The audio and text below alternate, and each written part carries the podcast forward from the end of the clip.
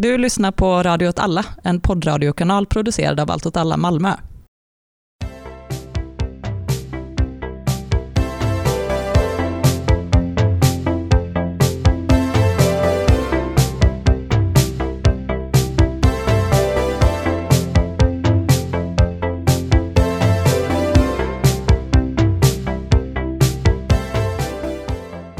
Hej och välkommen till det andra avsnittet av Kulturcirkeln. En podd där vi pratar om allt från tv-serier och film till konst och teaterföreställningar för att fundera kring politik och vår samtid.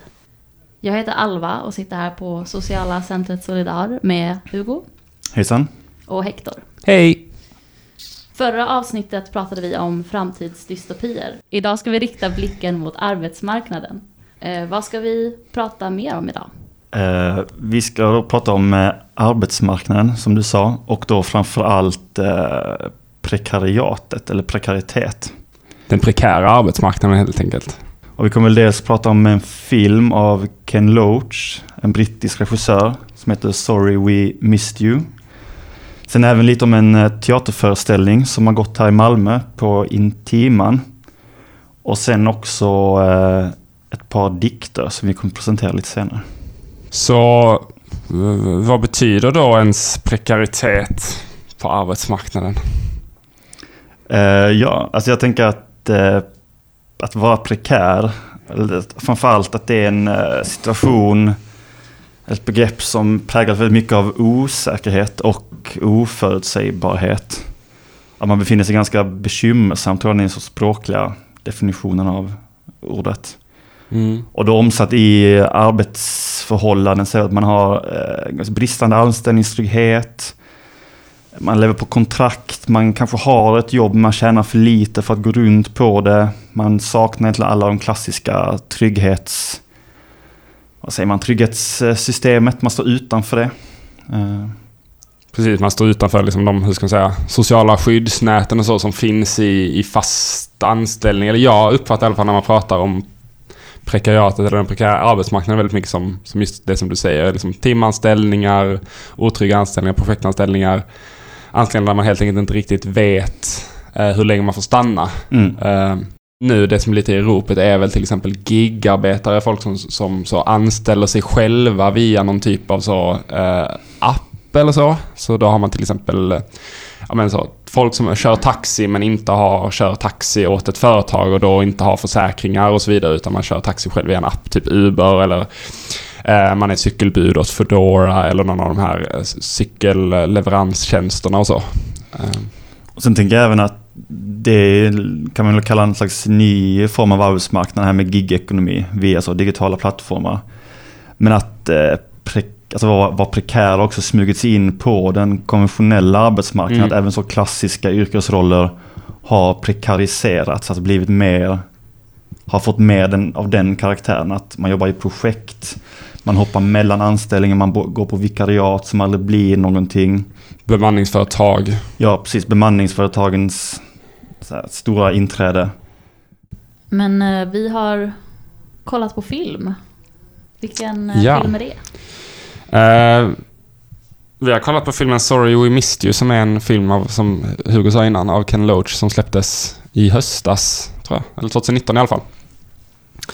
Um, som handlar om en familj i, i Newcastle, en stad i, i norra England. Med pappan Ricky, mamman Abby och så barnen Seb och Lisa. Eh, som lever lite, de lever ett prekärt liv och ett, ett fattigt liv efter egentligen att eh, efter 2008-krisen. Där en av de stora eh, nord, hur ska jag säga, nordeng Bankerna i norra England, en av de stora bankerna i norra England eh, gick omkull, eller den köptes väl upp av staten tror jag. Northern Rock. Och i början av filmen så får Ricky då ett, eh, pappan, ett eh, jobberbjudande som väl kanske inte egentligen är så mycket av ett jobberbjudande. Eller, Nej, jag tycker att det är väldigt, eh, just introt, eller vad man ska säga, är väldigt talande för eh, ja, men de här, den här ovissheten som kanske paketeras som en frihet för individen. Let's just get a few things straight at the start, though, shall we? You don't get hired here. You come on board. We like to call it onboarding. You don't work for us, you work with us. You don't drive for us, you perform services. There's no employment contracts, there's no performance targets, you meet delivery standards. There's no wages, but fees. Is that clear? Yeah. Clear? Yeah, yeah, yeah, yeah, it sounds alright, yeah. Good, yeah. No clocking on, you become available. You sign up with us, you become an owner, driver, franchisee. Master of your own destiny, Ricky. Sorts the fucking losers from the Warriors. Precis, och så här börjar ju filmen att han är på, för det är att han är på en bud, en budfirma. Och eh, söker jobb där som, som budförare, eller som förare av budbil. Men då att han, han får liksom inte, han blir inte anställd utan han blir som det som vi sa innan med de här gigjobben, utan han blir kopplad, eller vad man ska säga, sammankopplad, affilierad till det här företaget. Men han har sin egen bil och han får stå för sina egna försäkringar. Eh, och så vidare och liksom har, är ganska hårt pressad ändå av den här typ sadistiska chefen. Mm så där börjar han jobba och det är väl riktigt risigt. Samtidigt som han börjar jobba där och de, eh, så jobbar hans fru som eh, någon typ av prekär omvårdnad eller hemtjänstpersonal. Ja. Alltså det verkar inte vara... Man får inte veta jättemycket om det, men det verkar inte vara någon sån klassisk eh, hemtjänst i form av att det är kommunal regi eller så. Men liksom åker runt och har väldigt tajta besök. Får bara, får bara betalt för de tiderna eh, man är på jobbet, som det också var eh, framförallt, eller för ett gäng år sedan, ett, liksom en ganska stor grej i Sverige också, när folk inte fick betalt för restider mellan, eh, inom privat hemsjukvård och hemtjänst. Ehm, och de jobbar verkligen hela dagarna och slits liksom isär, kan man väl Mm. säga. Precis, och man får ju också se lite hur det påverkar barnen. Mm. Eller det är väldigt så... Man får ju se hur det påverkar individer psykiskt och liksom... Alltså den här eh, otrygga tillvaron som Mm. de har. Verkligen, och det tänker jag väl är en sån sak med den otrygga arbetsmarknaden och hur ska man säga, den otrygga tillvaron. Eh, att just, och det kom ju upp väldigt mycket när man började prata om prekariatet, det här med att det är liksom kanske mer hälsofarligt egentligen att ha en otrygg anställning, att inte ha någon alls. Eh, och den typen av, av liksom hälsoaspekter av den här liksom väldigt stora otryggheten som många, många arbetar under. Um, och det tycker jag verkligen, det var det som grep mig väldigt mycket i den här filmen. Ehm, hur liksom den här kämpandet, att man inte kan vara hemma, man kan inte vara sjuk, man kan inte ta ledigt. Även om man behöver ta ledigt för att liksom, ska man säga, gå på möten med skolan till sina barn för att underlätta deras skolgång och så vidare. Och det blev ju liksom väldigt eh, tydligt det här med att typ... Alltså hur utnyttjad eh, han blir. För att han är liksom egenanställd när han har problem. Eller vad man ska säga. Om han liksom ber om hjälp. Då är det så här. Ja men chefen säger bara. Ja men jag bryr mig inte. Du jobbar inte för mig liksom. Eller så här. Han försöker be om ledigt och så.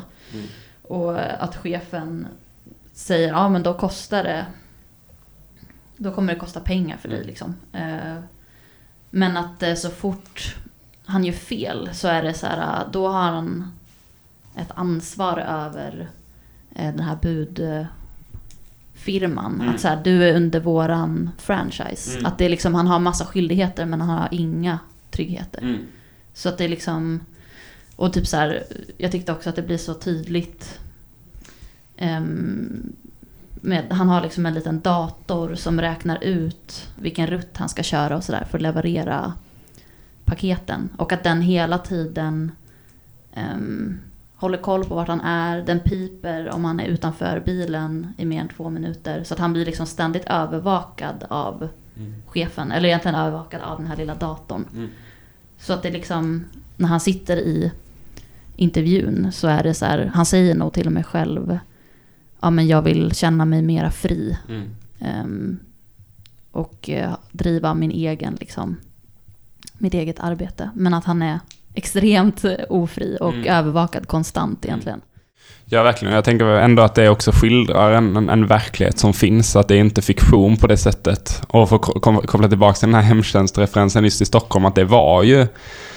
Eh, hemtjänstpersonal som blev trackade liksom på med hjälp av sina mobiltelefoner hur de rörde sig och var de kunde eventuellt stå en minut för länge och ta rast eller så.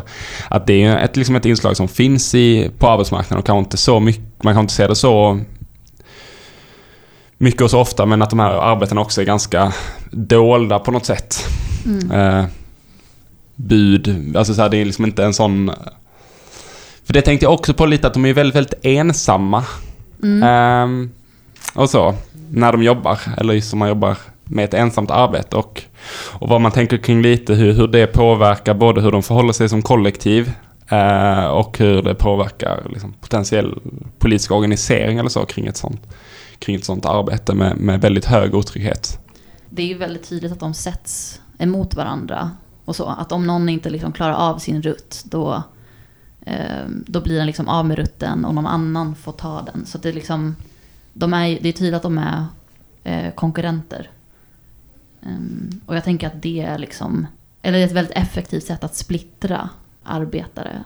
Alltså att man inte kan känna liksom samhörighet med varandra för att man är separata individer som tävlar mot varandra för att överleva i princip. Jag tänker också att det är liksom så som jag gissar att de företagen ganska mycket opererar liksom. Eh, men också, för det var lite kul när vi, pratade, vi gjorde en podd i början av eh, året om eh, framtidsspaningar där vi läste en rapport från Deutsche Bank som, hade, som spanade om, om 2020-talet. Ehm, och det var väldigt roligt för de pratade också om det här med en, en större, de kallade det väl större flexibilitet på arbetsmarknaden eller sådär. Men också att det, de liksom lyfte det ändå som, ett, som en potentiell risk för sig och för sina intressen eller för liksom företagens intressen. Att de nya typerna av anställningar och så också skapa, kommer att skapa nya former av motstånd.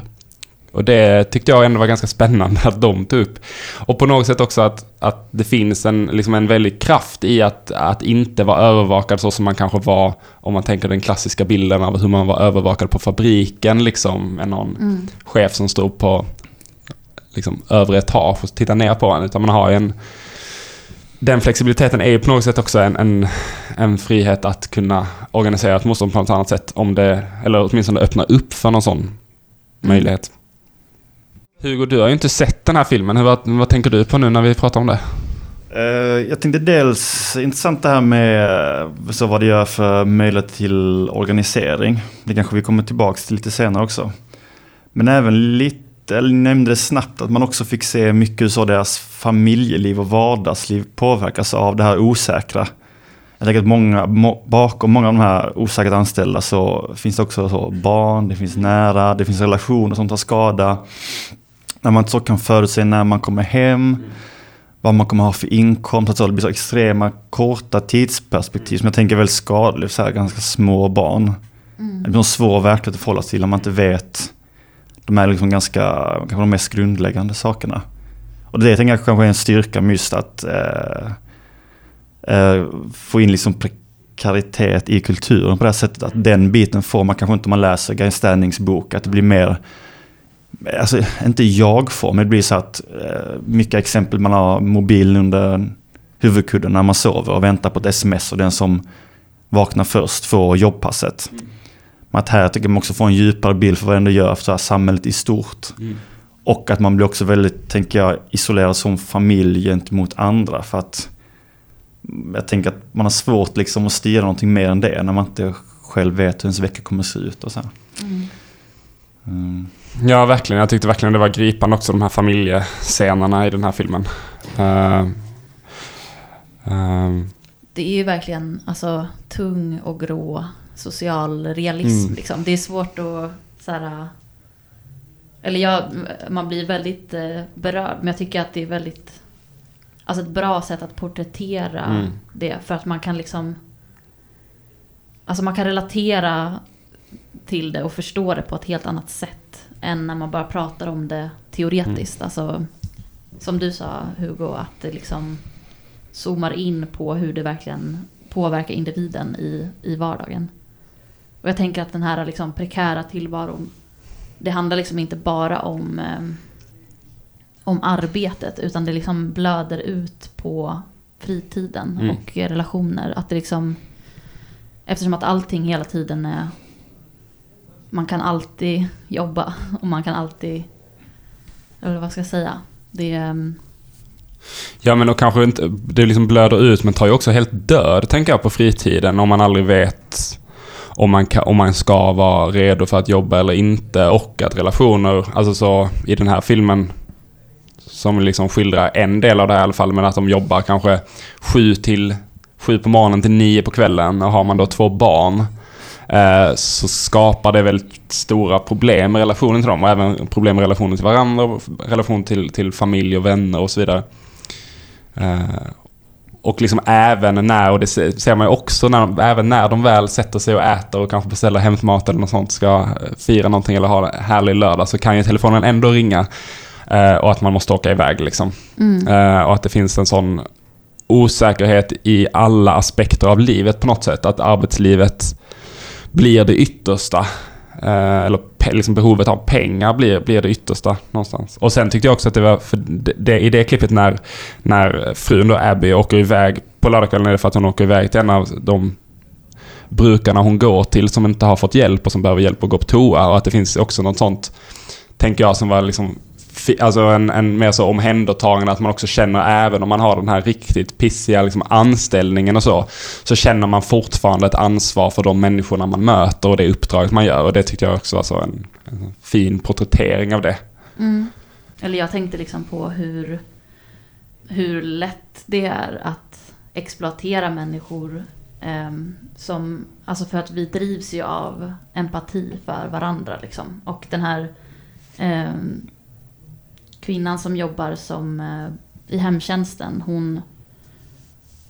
Det som är en av hennes drivkrafter är ju den empatin. Och då är det liksom lätt att... ehm, eller vad ska man säga? Hon kommer liksom jobba hårt för att hon känner empati för sina vårdtagare. Även fast hon, hon nämner också liksom att eh, jag får inte... Jag får liksom inte bilda en relation med er. Eh, säger hon till... Det får in, eh, liksom, konsekvensen blir inte bara ekonomiskt om man inte hinner med eller inte Nej. klarar av det. Det blir också som du säger, alltså en- ens empati eller så här, tar ju skada av att eh, göra ett dåligt jobb om man jobbar med omvårdnad. Och det tänker jag alltså, ja nu upprepar det, men det är ju jätte, jättelätt att exploatera det. Ja, Man kan liksom skarva på tider, man kan skarva på material och möjligheter för man vet ändå att det kommer bli gjort och det kommer bli gjort ganska bra trots de bristerna. Mm. För man utnyttjar folks eh, eh, omtänksamhet och medkänsla. Ja, och som man kan se rätt många, eller så som man har sett, eh, liksom ser väldigt eh, repetitivt att liksom chefer inom, högre chefer inom sjukvården använder det som Liksom till exempel vid lönestrider eller vid liksom fackliga förhandlingar eller liksom, hur ska man säga, avtal, även så saker som avtalsrörelse. Att man liksom trycker på den här det kallet eller vad, vad man kan säga som det, Mm. som det innebär att, att arbeta med, med vård och omsorg. Som ju verkligen gör det så oerhört lätt, eller så här, så, så oerhört fult också att, Mm. eh, att använda det på något sätt.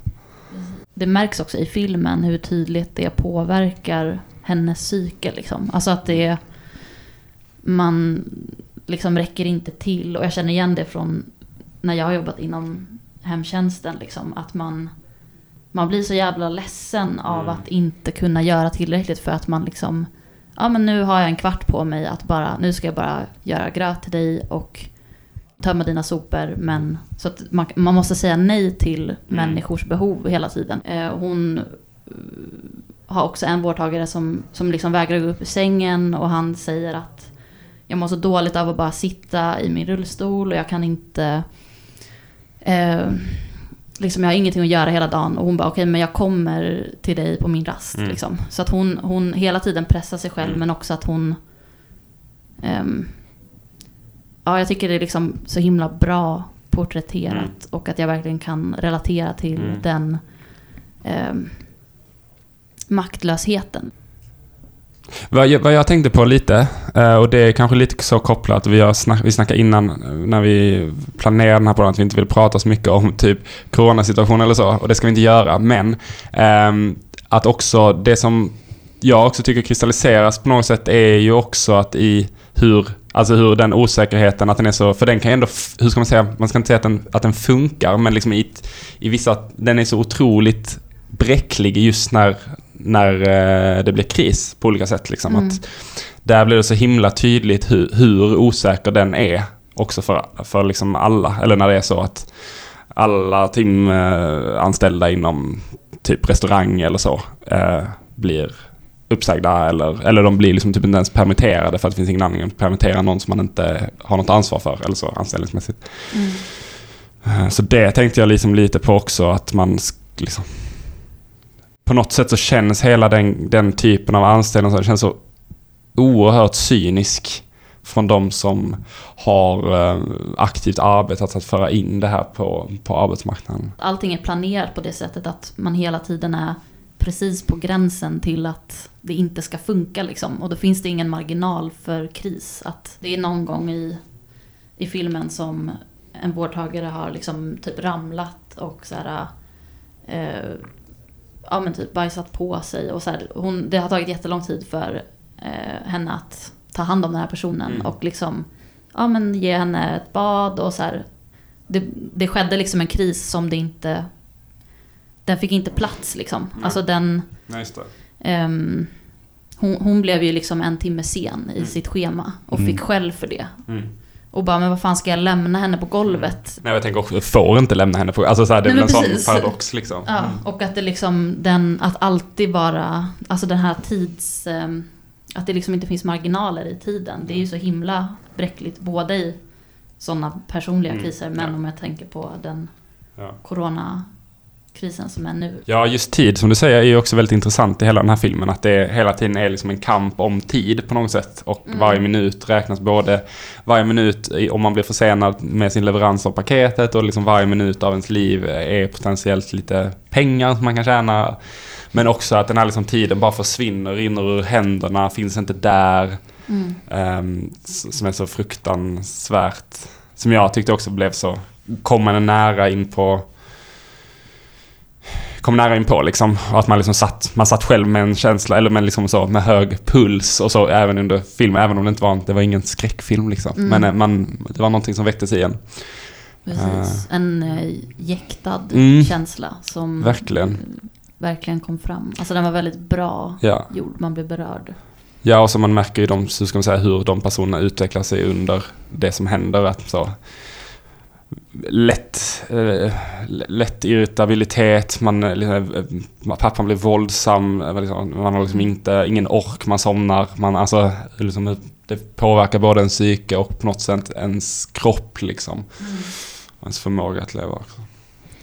Jag tänkte lite på det du sa med att varje minut blir som potentiell inkomstkälla eller förlorad inkomst. Men också en förlorad inkomst som man inte hade från första Mm. början. Vilket är också svårt, tänker jag, att förhålla sig till. Men sen att det även skapas någon konstig relation till ens arbete. Om man jobbar med den här typen av prekära jobb. Att som, eh, skillnad med omvårdnad mot så här en budbil och sånt som man kanske inte har någon personlig anknytning till. Kanske också att man hatar sitt jobb. För att det bara innebär stress. Jag får inte ut någonting av att lämna de här paketen. Mm. Det enda jag vill är att inte göra fel. Liksom inget plus. Men samtidigt så blir man också eh, både beroende och glad när man får sina pass.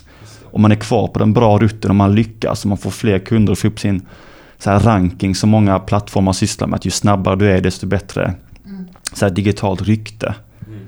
Så man både då hatar jobbet men man försvinner också in i en värld där det är det enda ens tillvaro handlar om.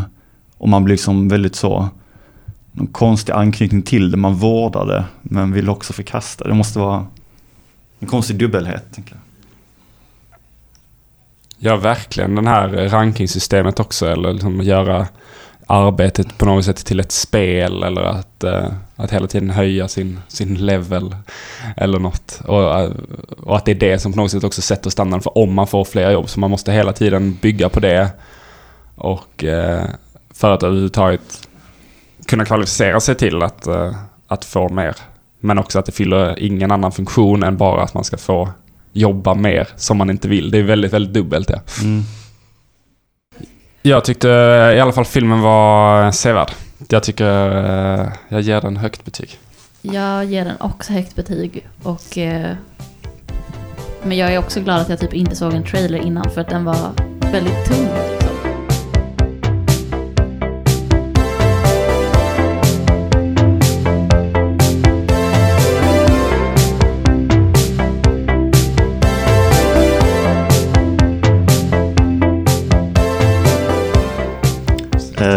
Jag har då inte sett filmen, eh, utan jag har istället varit på eh, teater. Ja, Det är mer min konstform. man- Lite, fin, lite finare kultur. ja just det. Exakt. Eh, och jag var så en teater med det passande namnet Prekariatet. Nej, Eh, jo, väldigt för lämpligt. bra. Eh, som sattes upp på Intiman här i Malmö. Och eh, den handlar om fem individer. Alla från ganska olika ekonomiska och sociala bakgrunder men att de eh, just nu förenades av att de var i en väldigt prekär livssituation. Och ur framförallt alltså jobbperspektiv. Mm. Eh, och den var också väldigt, jag tyckte också den var bra. Eh, och det var fint för de hade gjort väldigt mycket intervjuer med personer i den här typen av eh, livssituation, anställningssituation. Som research till själva pjäsen. Så ibland eh, gjorde karaktärerna så att de läste upp eh, liksom, ut, eh, vad säger man, Utdrag. utdrag ur de här eh, intervjuerna. Så läste upp dem mot oss i publiken. Mhm. Och det tycker jag blev väldigt så stark förmedling också, det vi pratade om tidigare, om det här liksom det personliga i den här typen av jobbsituation, att det blir en sån inslag av lite självbedrägeri, att så, "Ja, men inte jag, jag har ju mina högskolepoäng, jag borde inte vara här, jag är på väg någon annanstans. Mm. Det här är bara tillfället som man försöker förneka lite.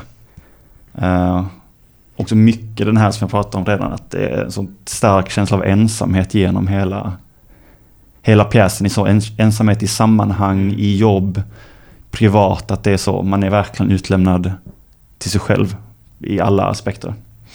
Vad fick du för känsla av eh, teaterföreställningen? Var den rolig eller vad var det för genre? Liksom? Ja, eh, bra fråga, för den var ganska rolig. Eh, eller så mycket svart humor. Och det var också förmedlat mycket via sång, vilket gjorde att det lättades upp lite. Men sen en jag tyckte var lite märklig när jag satt där, det var att, eh, att den här svarta humorn som var ganska jobbig, det var så tunga levnadsöden, så mycket desperation och en känsla av att, mycket känsla av att falla, vilket även eh, karaktärerna så illustrerade med kroppen, att de så svajade till som ett, det kom en sån skälvning i marken, att de ryckte till så här. De stod ostadigt. Liksom, De stod verkligen ostadigt. Mm. Vilket var fint. Men att den här svarta humorn, alltså det skrattades åt den som att den var mer dråplig än svart. Lite Vi- buskis typ. Ja men det blev som att, vi, att publiken reagerade som på en buskis. Jag tänker att någonting som är dråpligt, det är mer så en serie sammanträffanden som staplas på varandra. Alltså, först trillar jag och så trillar jag på det här som trillade på dig. Alltså den typen av Just grejer. det. Men här var det mer så, du, fick, du blev först skadad på jobbet och då förlorade du jobbet. Och då förlorade din dotter sin möjlighet till försök. Alltså så. Ja just det, det var Det inte, inte så dråpligheter. Nej, Nej, det är bara med många lager av social misär på Ja, något och en sätt. tydlig linje av att man är så här väldigt i en utsatt situation som bara blir värre. Mm. Men publiken tolkade, eller du upplevde att publiken liksom, ska man säga, skrattade som om att det vore nästan en buskis eller så? Lite förvånande. Lite snyggare men också skratta. Det är så att det var lite roligt, roliga grepp.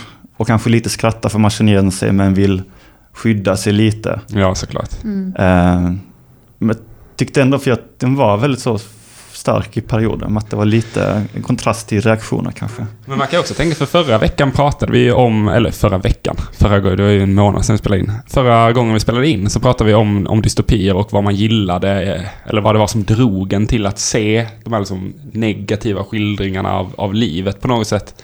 Och att det liksom också är någon sån lite, hur ska man säga, skräckblandad förtjusning. Jag tänker att det finns i det här prekär, den prekära arbetsmarknaden även hos folk som har en, en stabil anställning på något sätt med liksom en rädsla för att, som du sa, falla för att liksom marken under en skälver på något sätt. Eh, som det, det kanske var, det bara spår ner helt fritt. Men att, om det, alltså att det kanske också är en, en liksom, det kanske också griper tag i, i liksom människors egna rädslor eller, eller eh, farhågor på något sätt över, Ja. över den här förändringen på arbetsmarknaden som jag tänker ändå är ganska tydlig för väldigt många. Mm.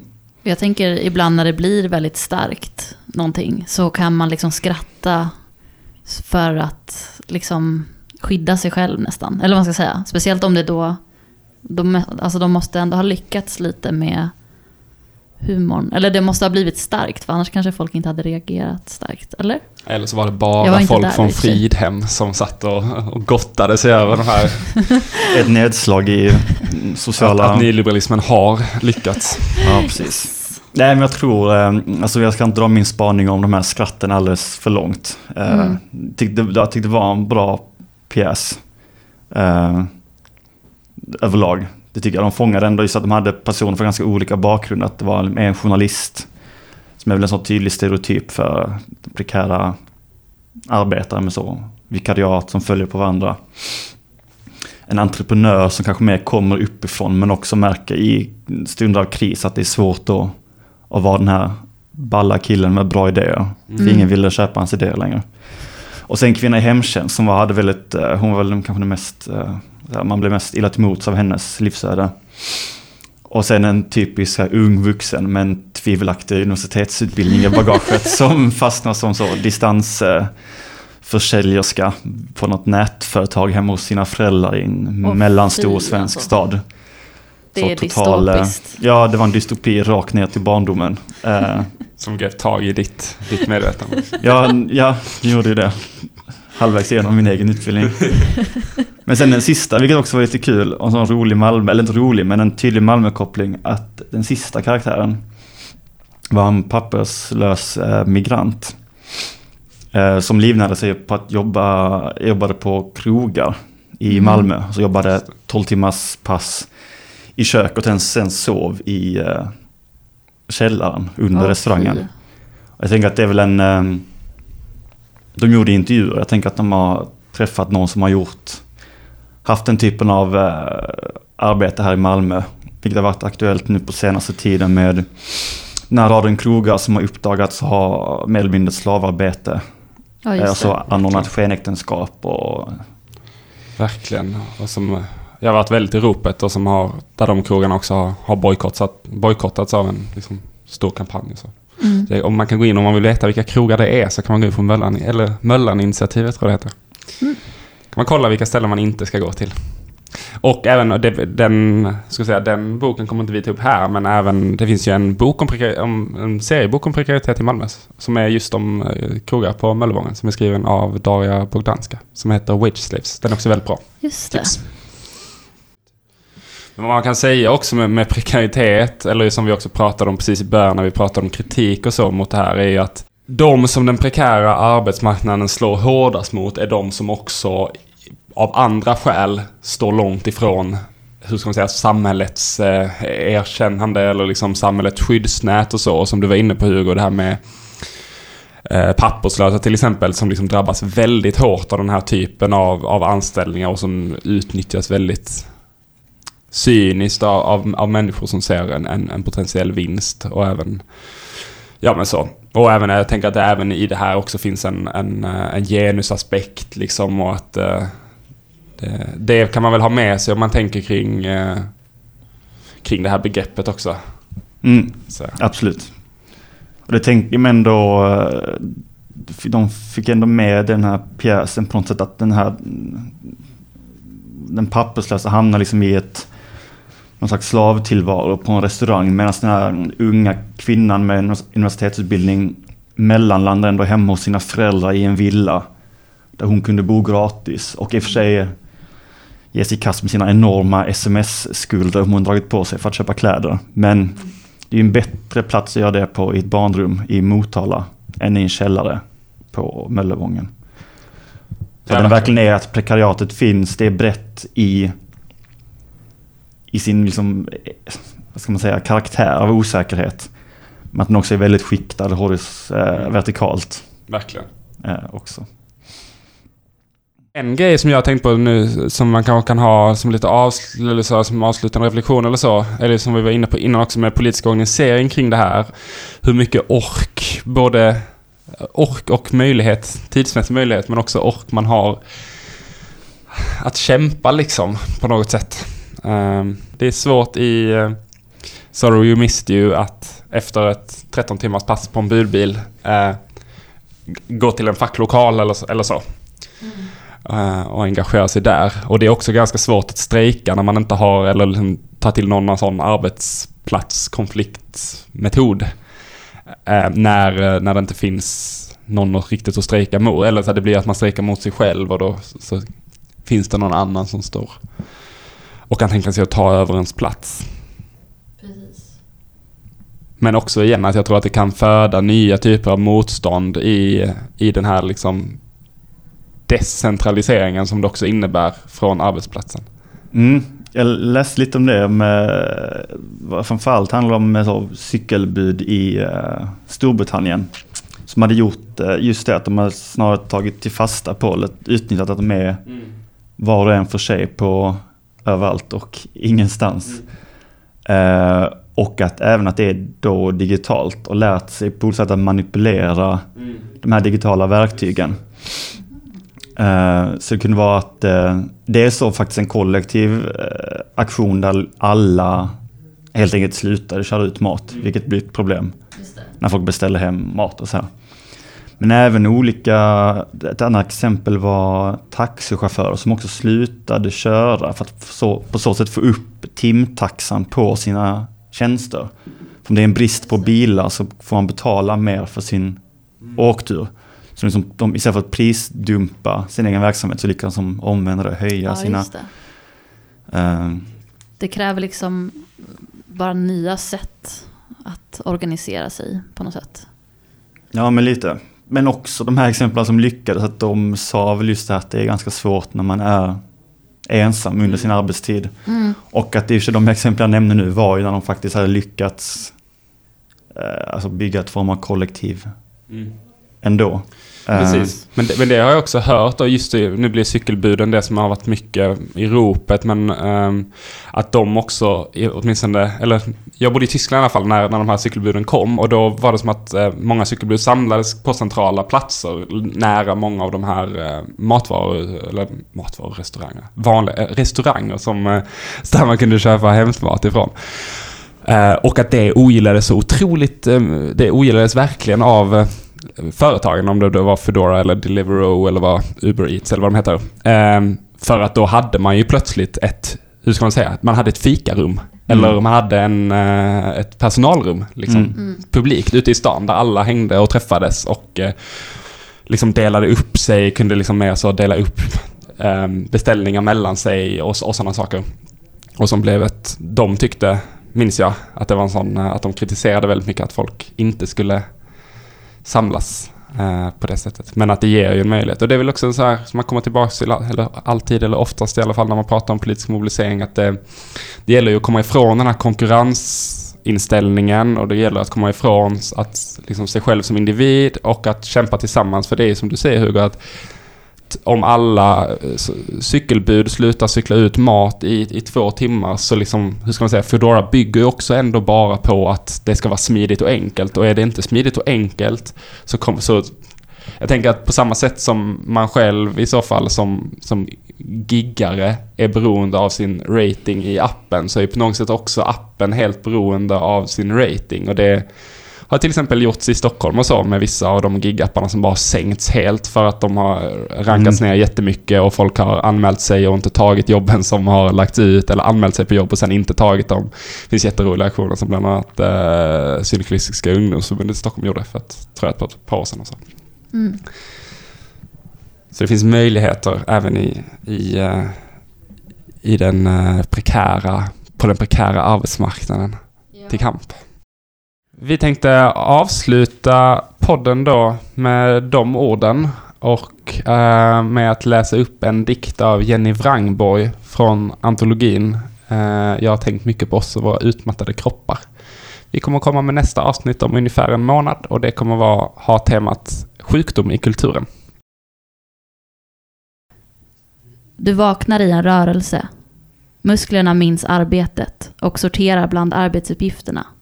Hänger tvätt, byter blöjor, skannar varor. Innan väckarklockan ringer har du redan bytt om, stämplat in, sprungit dig trött. När du faller in i dina drömmar är det från stegar, från byggnadsställningar och tak. Utan skyddslina vaknar du kallsvettig upp i nätternas mörker.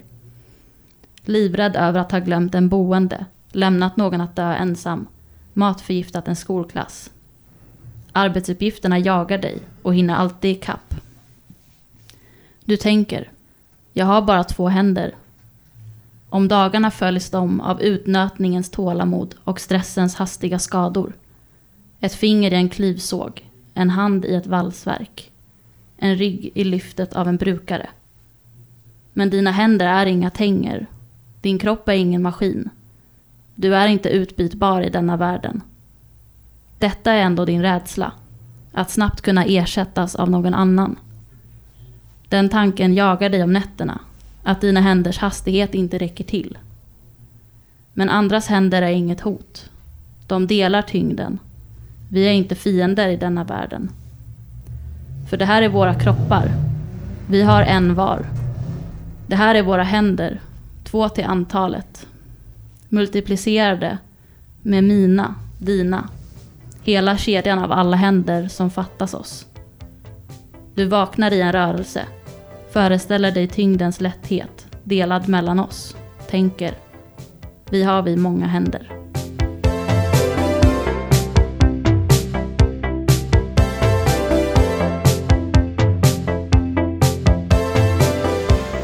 Om du tyckte om den här podden och Radio åt alla så följ gärna oss där poddar finns. Vill du stödja oss ekonomiskt så kan du göra det på Patreon som är patreon.com alltåtallamalmö eller på vår webbshop där det går att köpa t-shirts och annan merch. Tack så mycket. Hejdå!